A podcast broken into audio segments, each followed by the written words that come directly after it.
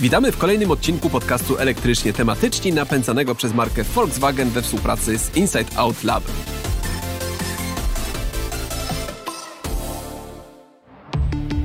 Niedawno gruchnęła wiadomość. Szwajcaria zakaże samochodów elektrycznych, rzekomo dlatego, że w dobie kryzysu energetycznego przeciążają one infrastrukturę. Ale kryzys energetyczny spowodował też wzrost cen prądu i niektórzy twierdzą, że dzisiaj koszt jeżdżenia samochodem elektrycznym jest wyższy niż samochodem spalinowym. Która z tych wiadomości jest prawdziwa? O tym dzisiaj porozmawiamy w podcaście elektrycznie tematyczni, który napędzany jest przez markę Volkswagen we współpracy z Inside Out Lab. Dzisiaj zaprosiłem do rozmowy Bartka Derskiego, redaktora naczelnego portalu Wysokie Napięcie, chyba najbardziej kompetentną osobę w tym temacie. Cześć Bartku. No, dziękuję, cześć. Dziękuję za te miłe słowa. No, mam nadzieję, że sprostam w takim razie tym wymaganiom. Na pewno sprostasz, na pewno wszystko dzisiaj e, wyjaśnisz. Na początku oczywiście zacznijmy od pierwszego zagadnienia, czyli co z tym zakazem w Szwajcarii? Czy Szwajcarzy rzeczywiście zaraz będą musieli się pozbywać swoich samochodów elektrycznych i przesiadać się z powrotem do aut e, spalinowych? No to jak z tymi samochodami na Placu Czerwonym e, nie rozdają e, tylko tak, tak, nie, tak, tak, nie tak. samochody, wiemy, tylko wiemy. rowery, nie rozdają, tylko kradną. tylko kradną tak. E, więc e, rzeczywiście Szwajcaria e, zaproponowała przepisy, które są przygotowane na kryzys energetyczny. Mamy dzisiaj e, właściwie największy kryzys energetyczny w Europie, ale w, dużej części świata tak naprawdę. E, I wszyscy prawie wszyscy się do niego przygotowują. Szwajcarzy e, są uzależnieni w dużej mierze od importu energii elektrycznej z innych państw i od produkcji energii we własnym kraju z wody. Jest susza, inne państwa mają też trudną sytuację. Francja ma bardzo trudną sytuację ze względu na to, że mm, cała ogromna część elektrowni atomowych tam w tej chwili nie funkcjonuje. E, I Szwajcarzy przygotowują się do tego, że być może będą takie dni, godziny, e, kiedy trzeba będzie ograniczać zużycie energii. Nie mają odziedziczonych, tak jak Polska po czasach komunistycznych, stopni zasilania. E, to była nasza specjalność w bloku wschodnim, bo energii ciągle brakowało. Więc tam postanowiono taką alternatywę naszych stopni zasilania wprowadzić, a mianowicie zachęcić ludzi do tego, aby sami w pewnych godzinach, w trudnych sytuacjach ograniczyli e, zużycie energii. I to się zaczyna e, od e, takich rzeczy jak no, wyłączanie podświetlania fasad budynków, tak? czyli tej energii, którą tak naprawdę nie musimy, bo to jest kwestia jakiejś estetyki i tak dalej. Później e, coraz chłodniej w mieszkaniach, nie lodówka, ale zamiast 25 to 22 stopnie, 21, e, 19 w jakichś halach magazynowych, tak? A później trzeci stopień, już bardzo zaawansowany, kiedy naprawdę sytuacja byłaby bardzo trudna, e, to jest sytuacja, kiedy na przykład Szwajcarzy mówią, hej, nie grajcie nawet na komputerach w domach, bo to też zużywa energię. Nie kopcie kryptowalut e, i jak nie musicie, mm, to nie jeździcie samochodami elektrycznymi. Nie musicie, to znaczy, jeżeli jedziecie do pracy, sklepu, na uroczystość mm, kościelną i tak dalej, jasne. Natomiast no, rekreacyjnie nie jeździcie wokół, wokół komina, bo to też jest zużycie energii elektrycznej. Mhm, ale to oznacza, że jeżeli ja będę chciał sobie pojeździć e, moim samochodem elektrycznym w Szwajcarii, to wyjadę na ulicę i złapie mnie policja i zapytają, gdzie pan jedzie? to jeżeli nie będę miał alibi, to dostanę mandat? Myślę, że to są przepisy skierowane do Szwajcarów tak naprawdę mhm. i to też jest y, dość ciekawe, no, że oni sami siebie bardziej ograniczają, tak, y, po to, aby no choćby y, w jakiś tam, dopiero w czwartym stopniu zasilania, no, tym szwajcarskim, jest ograniczanie turystyki, czyli ograniczanie wyciągów narciarskich na stokach. Mhm. E, bo chodzi o to, aby nie udusić gospodarki, tylko po to, aby ograniczać to zużycie niepotrzebne po to, aby wszystko funkcjonowało w miarę prawidłowo. Natomiast dzisiaj na razie nie rozpatruje się nawet wprowadzenia pierwszego z tych stopni, nie mówiąc już o trzecim czy czwartym. No właśnie chciałem zapytać o, to, o który mamy teraz y, stopień w Szwajcarii. A czytałem twój artykuł na wysokie napięcie.pl, gdzie dokładnie wyjaśniłeś, że to, to dotyczy czterech stopni y, i te kolejne stopnie wprowadzają coraz wyższe y, restrykcje i dopiero w trzecim stopniu jest ten zakaz jazdy rekreacyjnej samochodem elektrycznym, ale jak powiedziałeś przed chwilą, nawet nie mamy pierwszego stopnia w tym momencie w Szwajcarii. Czyli to nie jest tak, że dzisiaj już Szwajcarzy nie mogą jeździć elektryką. Nie, na szczęście nie i być może w ogóle lata miną, zanim kiedykolwiek trzeba będzie choćby pierwszy ten stopień wprowadzić. Oby tak było, by ta zima nie była, nie była e, zła w Europie. No i pamiętajmy też, że to, to nie jest ewenement, bo no już nie mówiąc o ograniczeniach związanych z COVID-em, tak, to e, kiedy mieliśmy podobny kryzys związany z ropą naftową e, w latach 70., no to, to zakazy były dużo bardziej restrykcyjne, na przykład całe dni bez samochodu w ogóle nie można było wyjeżdżać autem na, na ulicę de facto, choćby w Holandii, więc, więc no, to są normalne przepisy na czas kryzysu i abyśmy tego kryzysu nie doświadczyli. Czyli tutaj, żeby wyjaśnić już tak raz na zawsze, tu chodzi o to, że w tym momencie jeszcze tego zakazu nie ma i zakaz potencjalnie może wejść tylko w sytuacji, kiedy, kiedy naprawdę będą bardzo trudne, bardzo trudna sytuacja z dostępem do energii elektrycznej i wtedy też nie będzie to zakaz całkowity, tylko będzie zakaz jeżdżenia takiego zupełnie bezsensownego. Czyli jeżeli jedziemy do pracy, jeżeli jedziemy do lekarza, to cały czas tym samochodem będziemy mogli się poruszać, tylko w sytuacji, jeżeli będziemy sobie, chcieli sobie pojeździć po mieście tak dlatego, że lubimy jeździć, to, no to taka sytuacja będzie raczej niewskazana, być może zakazana. Dokładnie tak. No i to oczywiście te przepisy też będą obowiązywać, nie wiem, tydzień, dwa tygodnie, być mhm. może jak sytuacja będzie bardzo napięta. Czyli tutaj wszyscy, którzy twierdzą, że Szwajcarzy wycofują się z samochodów e, elektrycznych, bardzo mocno przesadzają dzisiaj. E, tak, no najczęściej po prostu w ogóle nie przeczytali tych, tych przepisów, no bo w końcu kto sięga po projekty e, rozporządzeń wprowadzanych w Szwajcarii, a niestety artykuły, które je omawiały często no, były typowymi clickbaitami, no to... które raczej wprowadzały mm, zupełną dezorientację czytelników. Tak, dokładnie. Ja tutaj naszych słuchaczy i naszych widzów chciałbym rzeczywiście zachęcić, żeby przeczytali artykuł Bartka, bo tam Bartek dokładnie wszystko wyjaśnił na wysokie napięcie.pl. Ale ty w swoim artykule jeszcze y, wspomniałeś, że tego typu zakaz powinien pojawić się w Polsce. My w Polsce też mamy podobne mm, regulacje na wypadek braku do, czy problemów z dostępem do energii elektrycznej, tylko u nas one zostały zupełnie inaczej rozwiązane. Jak to wygląda w Polsce teraz i czy ty byś przeniósł te warunki szwajcarskie, takie jak rzeczywiście napisałeś w swoim artykule, czy przeniósłbyś w takiej wersji 1 do 1, czy coś byś tam zmienił? Połączyłbym je na pewno, bo te e, stopnie zasilania, które mamy w Polsce, one są moim zdaniem potrzebne, one są dobrym narzędziem, tylko te stopnie e, odcinają nam przemysł, odcinają nam, nie wiem, galerie handlowe i to e, bez względu na to, czy w galerii handlowej działa apteka, która może być ludziom potrzebna, czy sklep spożywczy, to cała galeria handlowa Polsce, tak? To będzie... jest sytuacja, jaka teraz mamy tak, w Polsce. Tak, mhm. to cała galeria będzie objęta na przykład 20 stopniem zasilania, czyli bardzo minimalna ilość energii będzie mogła być na potrzebę podtrzymywanie jakichś, e, nie wiem, e, świateł e, mm, awaryjnych i, i, i tak dalej, ale, ale sklepy będą musiały tam zostać zamknięte, co jest absurdalne. Tak? Więc warto byłoby rozważyć wprowadzenie podobnych rozwiązań także, jakie są w Szwajcarii, czyli takich zachęt, próśb skierowanych do obywateli. Hej, słuchajcie, mamy trudną sytuację w najbliższym tygodniu, jak nie musicie to. Nie używajcie suszarek bębnowych do prania, tylko ten tydzień poradźmy sobie wszyscy wspólnie, rozwieszając pranie na, na gdzieś tam po prostu na sznurkach, tak? Jak nie musicie, to nie używajcie zmywarek, czy, czy skręćcie temperaturę w domach i tak dalej.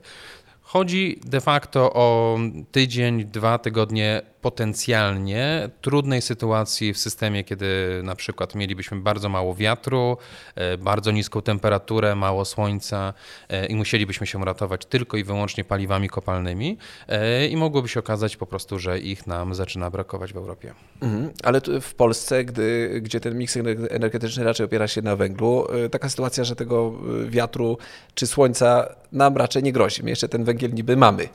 Wiesz co, wbrew pozorom, y, operator systemu przesyłowego w Polsce bardzo mocno liczy na wiatr na to, że on jest zimą.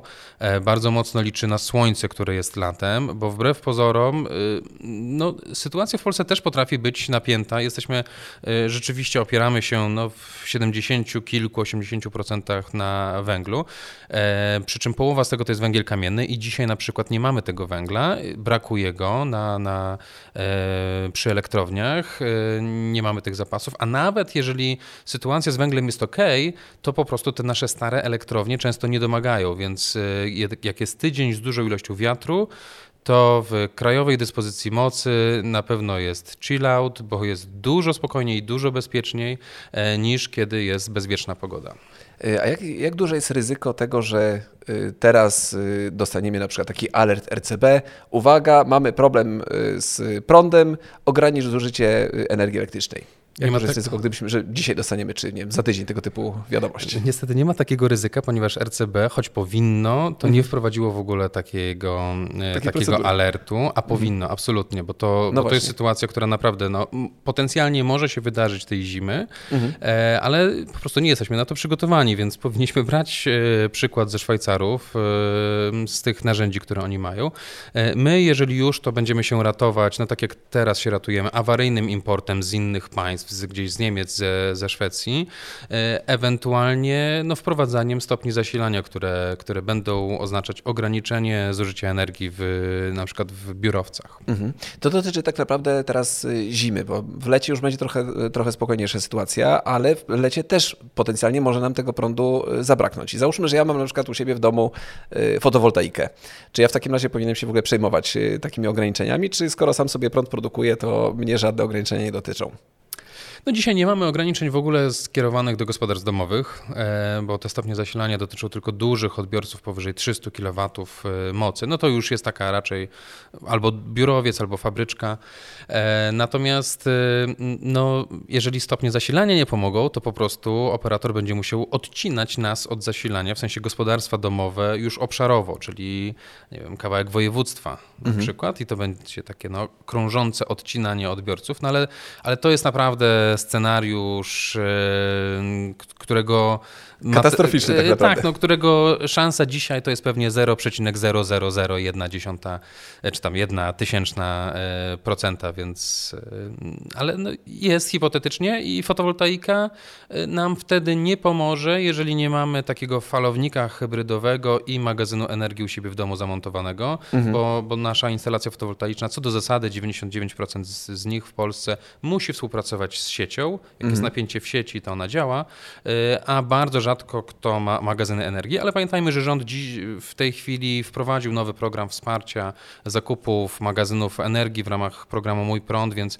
pewnie taka ilość ludzi z akumulatorami, która może być niezależna, e, będzie rosła. Ja na przykład używam też samochodu elektrycznego, którego, z którego mogę podawać energię elektryczną teoretycznie do urządzeń też e, w domu i takich ludzi też będzie zapewne, zapewne przybywać, więc no to, to już e, rzeczywiście coraz więcej osób będzie mogła się czuć bezpieczniej dzięki, dzięki temu, że będzie miała jak zmagazynować energię elektryczną. Okej, okay, ale tak naprawdę ten zakaz e, jazdy samochodem elektrycznym to jest tylko e, może nie bójda na resorach, bo, bo to akurat nie do końca prawda, ale jest to taki typowy clickbait dzisiaj. To tak podsumowując ten temat y, pierwszy. Dokładnie. Bo tak. mam jeszcze drugi temat bardzo ciekawy, mianowicie te koszty jazdy samochodem elektrycznym.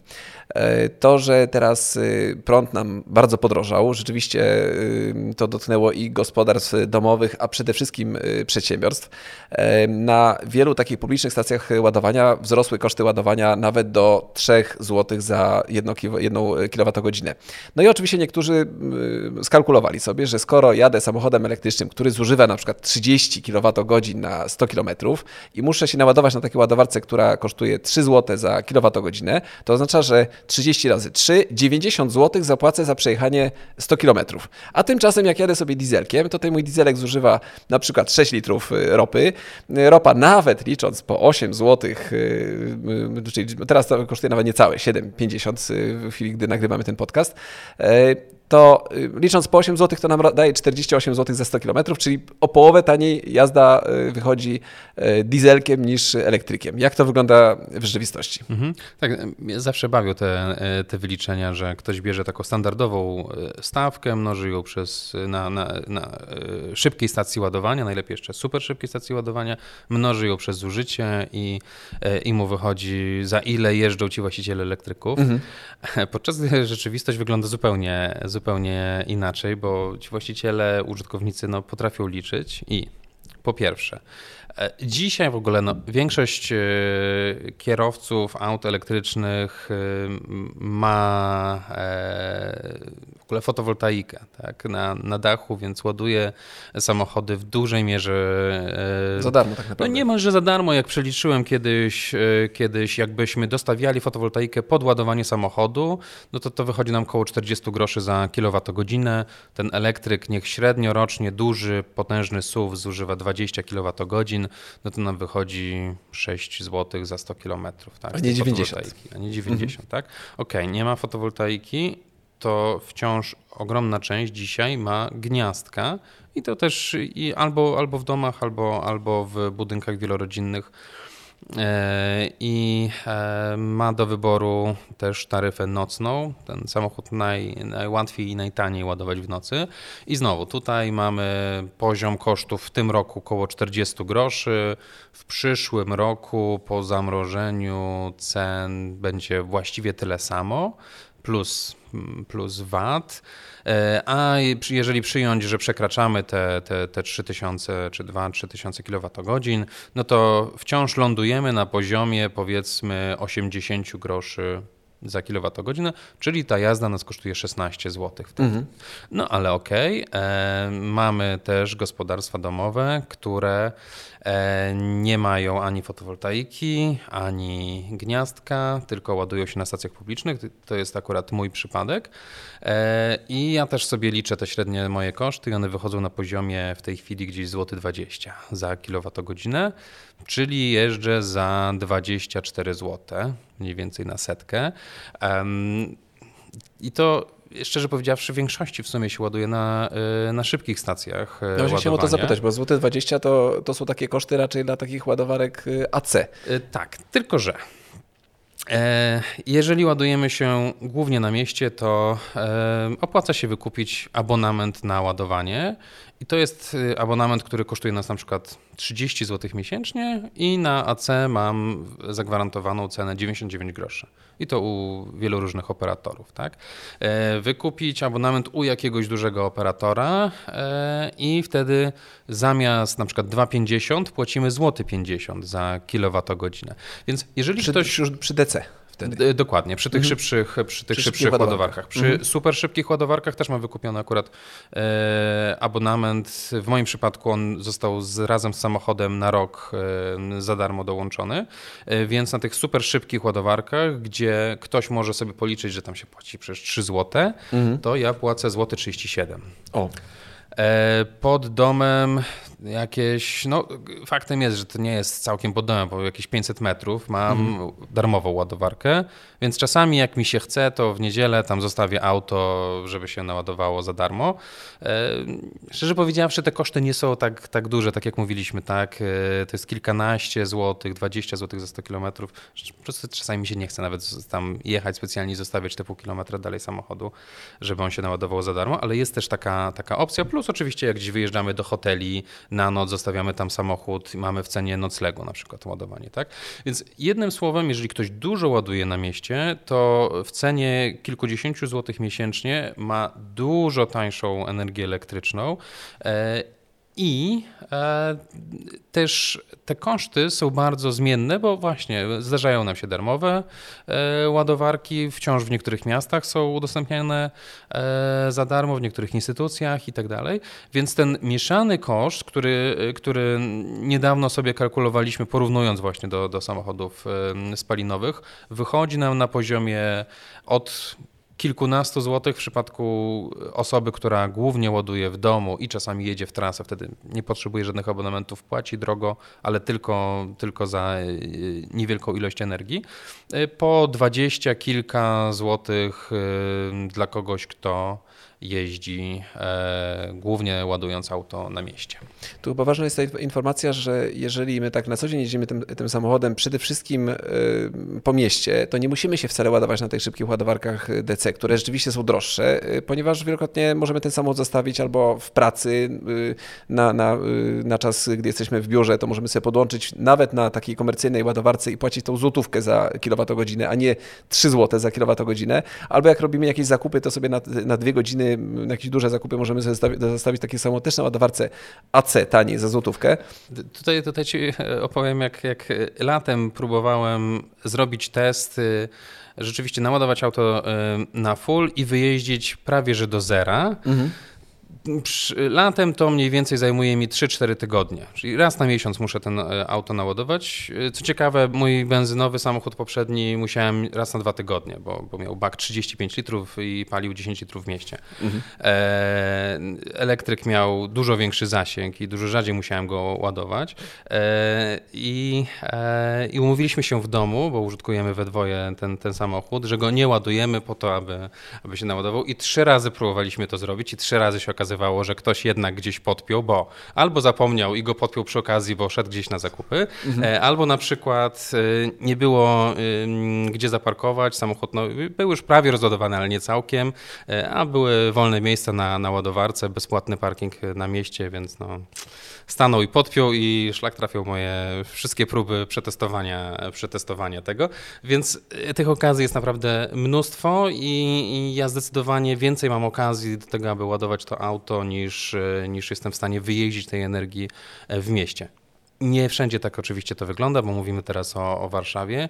E, są miasta powiatowe, gdzie nie ma żadnej ładowarki, tak? Natomiast ta infrastruktura oczywiście będzie się rozwijać, ona się rozwija, więc no, w tych miastach powiatowych to jest e, ten case warszawski, będzie no, za 5 lat pewnie. Mhm. A jak wygląda jeszcze kwestia tych darmowych ładowarek? Wspomniałeś, że jeszcze nadal są. Ja mam takie doświadczenia, że rzeczywiście one znikają niestety dość szybko. Ja często jak testuję samochody elektryczne, to staram się tak właśnie na Polaka, Cebulaka y, szukać szukać tych darmowych ładowarek, żeby nie, nie płacić za ładowanie. I kiedy tych ładowarek w mojej okolicy było dużo, to dzisiaj została już chyba tylko jedna. Y, jak to teraz wygląda? Bo ty częściej jedziesz ode mnie takimi samochodami y, elektrycznymi. To, y, czy też polujesz na takie ładowarki, albo jak nawet nie polujesz, to jak często jeszcze spotykasz takie darmowe ładowarki? No jest, jest ich jeszcze, e, jeszcze trochę, na przykład ta, ta sieć, która powstała niedaleko mnie, ta, ta darmowa ładowarka, to jest sieć, która się rozwija od niedawna i ona ma taki model biznesowy, że będzie sprzedawać reklamy w zamian za możliwość darmowego ładowania. Zobaczymy. Taka, mają takie ekrany wielkie, tak? tak? Jest, A, tak Okej, okay, to nie, nie, nie pamiętam jak się nazywają, ale to też pod Selgrosem na przykład stoją takie ładowarki, tak, darmowe. Jestem, jestem ciekaw, czy ten tak. model biznesowy przetrwa, ale, ale są. Nie, w mojej rodzinnej Jelniej Górze jest kilka ładowarek, budowanych w sumie trochę pod turystów też. Mhm. Y, na przykład y, jedno miejsce jest takie, gdzie no, specjalnie jadę, bo mogę zaparkować w miejscu, gdzie w ogóle spalinowe nie mogą zaparkować, bardzo blisko y, starówki miasta, no i przy okazji jeszcze naładować auto za darmo, więc super. No ale rzeczywiście tych aut przybywa, więc już dzisiaj bardzo rzadko się zdarza, żeby ona była wolna. Już widzę, że tam jakieś kolejki się powoli mhm. zaczynają ustawiać, więc e, no to, to, to jest naturalny element, element rozwoju rynku trzy lata temu pies z kulawą nogą tam nie przyjeżdżał, dzisiaj ustawiają się kolejki, bo po prostu rynek rośnie, e, więc to jest bardzo naturalne. Mhm. A propos właśnie tych y, kolejek, y, y, taka informacja, która jest jeszcze powiązana z tym przeciążaniem sieci energetycznej, też powtarza się często w internecie. Często, nawet ostatnio jeden z moich znajomych dziennikarzy napisał na Twitterze, że co będzie w sytuacji, gdy my w Polsce będziemy mieć na przykład już połowę samochodów elektrycznych i wszyscy nagle pojadą sobie nad morze i co, co w tej sytuacji z tymi samochodami, jak długo będziemy stać na ładowarkach, ile będziemy musieli czekać, aż Y, aż naładujemy ten, ten samochód y, elektryczny, bo tak dużo będzie tych samochodów, a każdy będzie musiał tam te pół godziny spędzić. Y, jak, jak to z swojej perspektywy wygląda? Czyli kiedy ty przewidujesz taką sytuację, że te samochody będą w Polsce zapychać dostępne ładowarki, albo czy w ogóle kiedykolwiek taka sytuacja nastąpi? Bo ja odpisałem od razu temu koledze, napisałem, że taka sytuacja w mojej opinii nigdy nie nastąpi, bo ta wzrastająca liczba samochodów elektrycznych będzie korelowała również z wzrastającą liczbą ładowarek. Tych ładowarek będzie coraz więcej. No nie będzie tak, że te ładowarki mamy tyle, tyle ile dzisiaj mamy, będziemy mieć w przyszłości, a samochodów będzie coraz więcej. No, y, dokładnie tak. To, to zresztą widać, tak? Y, przybywa nam tych hubów, też szybkiego ładowania. Pamiętajmy, że to też jest ważne. Moc ładowania. Mamy samochody, które coraz szybciej się ładują, e, więc e, tym samochodem zamiast te pół godziny, o których wspomniałeś, to wystarczy mu 10 minut. Ja swoim samochodem na pokonanie 500 kilometrów przez całą Polskę praktycznie, no z Jeleniej Góry do Warszawy, potrzebuje dokładnie z zegarkiem w ręku 9 minut ładowania, żeby pokonać ten dystans. Tak? E, zimą może 15-20 minut, y, tak, tak przypuszczam, bo się będzie też trochę wolniej ładował, przez to, że jest zimna, e, zimna bateria i trochę więcej e, zużywał. Natomiast to nie są też duże różnice wbrew pozorom. Y, więc im, im większe moce, im więcej ładowarek w jednym miejscu, tym szybciej mamy zmianę, nie ma też, y, też kolejek. I tak wygląda dzisiaj Zachód. Y, łatwo przewidzieć, co będzie w Polsce za 5 lat, bo wystarczy pojechać do Niemiec czy do Francji. Tam jest już Polska, która będzie za 5 lat. Tak? Mhm. Czyli mamy huby ładowania, które mają 10, 20, w niektórych 60 szybkich ładowarek plus do tego wolne, tak, ale 60 szybkich w jednym miejscu e, i tam nie ma kolejek, tak. E, nie, nie będzie tych kolejek co do zasady, ale zaraz przejdziemy do tych wyjątków, mhm. e, bo to jest biznes. Dzisiaj wydajemy e, no, grubo ponad 100 miliardów złotych na tankowanie samochodów spalinowych. Te pieniądze przecież popłyną w dużej mierze na ładowanie elektryków. Tak? Więc to będzie biznes liczony w kilkudziesięciu miliardach złotych, może 100 miliardach złotych w, w perspektywie tych, nie wiem, 20 lat bo, bo to też potrwa, tak, zanim tą flotę wymienimy. Więc y, po prostu każdy w ten biznes będzie wchodził. Zresztą już widać duże koncerny paliwowe, które w to, e, w to wchodzą i to, i to czasami wymieniając całe stacje benzynowe wyłącznie na stacje ładowania. Już mamy takie, takie przykłady w, w Europie. E, więc po prostu kasa tak, będzie decydowała o tym, że co do zasady tych kolejek nie ma. Ale te wyjątki, o których, o których napomknąłem, no to będą po prostu naturalne wzmożenia przedświąteczne, szczyty wakacyjne i tak dalej. E, ja to obserwowałem e, we Francji jeżdżąc rok po roku, chyba 3 lata z rzędu przez Francję autem elektrycznym. No i 3-4 lata temu były już huby na 6 ładowarek, czy tam wtedy na 4 ładowarki ładował się jeden samochód. E, później dostawili kolejne, były sześć ładowarek, ładowały się już cztery samochody, a ostatnio przyjeżdżamy osiem ładowarek i osiem już zajętych. Tak? No więc ta infrastruktura rzeczywiście szybciej, szybciej się kupuje samochody niż, niż, e, niż dostawia, mhm. rozwija się infrastrukturę. Natomiast mimo wszystko to, to, to w miarę będzie korelować. No, mogą być tam krótkie chwile, kiedy coś będzie wyprzedzać inną, e, inny element. No ale te szczyty świąteczne, no, to, to, to, to będą pewnie momenty, kiedy warto będzie planować sobie, naładować e, na przykład samochód e, dzień wcześniej przed wyjazdem już go nie doładowywać podczas drogi, bo trzeba będzie się liczyć na przykład z tym, że będzie e, obciążony jakiś hub ładowania. No właśnie też wiele, wiele osób zapomina o tym, że dzisiaj współczesny samochód elektryczny przejeżdża 400 albo 500 km bez ładowania, jak go tam nie ciśniemy, a spokojnie można jeździć, ja na przykład nauczyłem się jeździć 100, 100 km na godzinę, nawet po autostradzie, 100 czy 120 na godzinę. Niektórzy mówią, nie, nie, to 120 ja to dzisiaj nie nauczyłem. Tak, no to ja powiem Ci, że w ogóle dla mnie jest to taka spokojna, relaksacyjna jazda. Co prawda w elektryku ona jest bardziej nudna niż w samochodzie spalinowym, bo w spalinowym jednak ten, ten silnik jednak hałasuje, a w elektryku jest taka zupełna cisza i jest po prostu strasznie nudno przy tej prędkości nie, 100, 100 na Tak, znaczy ja sobie nastawiam tempomat na te 140 albo na SC na 120 i rzeczywiście y, pełen chillout, ale jednak y, ja nie widzę potrzeby akurat y, ograniczania prędkości, jeżeli oczywiście warunki mm. na to pozwalają. Tak, tak, tak. tak bo to, to, to, jest oczywiste. E, bo, bo dzisiaj już tą infrastrukturę mamy na tyle gęstą naprawdę i jest już na tyle duż, na tyle szybkich ładowarek, że, że, że jest całkiem ok. Oczywiście nie na wszystkich trasach. Ja akurat mam to szczęście, że raczej się poruszam na zachód Polski, więc tam jest więcej niż, e, niż w kierunku wschodnim. A Bartku, jeszcze y, powiedz mi, bo ty ostatnio przejechałeś pół Europy samochodem elektrycznym. Obserwowałem y, twoje zmagania, czy zmagania, bo ty relacjonowałeś swoją podróż przez Europę. Jak teraz wygląda taki, taka podróż prze, przez Europę? Jak to się zmieniło też na przestrzeni ostatnich dwóch lat? Myśmy dwa lata temu rozmawiali też w podcaście elektrycznie tematycznie na temat podróżowania samochodem elektrycznym. Jak to teraz wygląda dzisiaj? Tak, rzeczywiście już w zasadzie całą Europę zjeździliśmy, bo wszystkie cztery krańce, północny, południowy, zachodni i, i wschodni, wschodni rok, rok po roku. W tym roku wschodni kraniec e, przez całe Bałkany, Rumunia, Bułgaria do Stambułu nad Bosfor i później przez Grecję, Chorwację, Albanię z powrotem do, do, do Europy, do, do, do Polski. E, różnice są niesamowite, bo e, cztery czy, czy chyba cztery lata temu albo pięć lat temu, jak, jak ruszaliśmy na, na Nordkap, mm, naj, najdalej na północ wysunięty przylądek w Europie, no to przejeżdżaliśmy przez Norwegię, która no, jest królestwem elektryków i wówczas było dużo trudniej o stację ładowania na północy Norwegii, bardzo bogatym kraju, niż dzisiaj w Czarnogórze, czy, czy w Grecji, czy, czy, czy w Albanii. Y, więc dzisiaj już nawet te biedniejsze kraje nadrobiły tą, te, te zaległości, e, jakie miała Norwegia 5 e, lat temu. Więc to było naprawdę bardzo ciekawe. E, też byliśmy w stanie użyć jednej karty do ładowania, jednego konta przez prawie całą Europę, na koniec dostać jedną fakturę za to. To też są niesamowite postępy, bo to wcześniej naprawdę potrafiło do szewskiej pensji doprowadzać kierowcę elektryka, jak musiał w każdym kraju ściągać jakąś kolejną kart, tak. aplikację tak. i można było zwariować.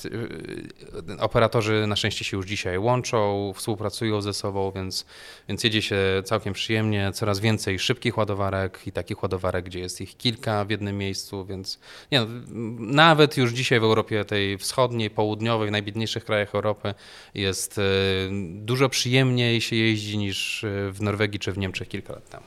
Super, czyli jest dobrze. Jest dobrze. Jest nieźle. Jest nieźle. Bartku, bardzo dziękuję za wizytę w naszym studiu i za rozmowę. Również. I e, cieszę się, że rozwiałeś te wszystkie wątpliwości. Mam nadzieję, że wszyscy nasi, nasi słuchacze i widzowie, e, jeżeli trafią na tego typu informacje, to nie będą już, już ich dalej e, powielać i też będą edukować swoich znajomych, że wszystkie te informacje o tym, że Szwajcaria zakaże samochodów elektrycznych są naprawdę nieprawdziwe. Natomiast jeżeli ktoś z naszych słuchających jeszcze nie subskrybuje, naszego podcastu elektrycznie tematyczni, to oczywiście do tego bardzo zachęcam. E, zachęcam do tego, żebyście znaleźli nas na platformach takich jak Spotify, Apple Podcasts, Google Podcasts, e, a także na YouTubie, ponieważ można nas e, też oglądać na YouTubie. I przypominam, że podcast elektrycznie tematyczni napędza marka Volkswagen we współpracy z Inside Out Lab. Bardzo dziękuję i do usłyszenia w kolejnym odcinku. Dzięki Bartku. Dzięki serdecznie.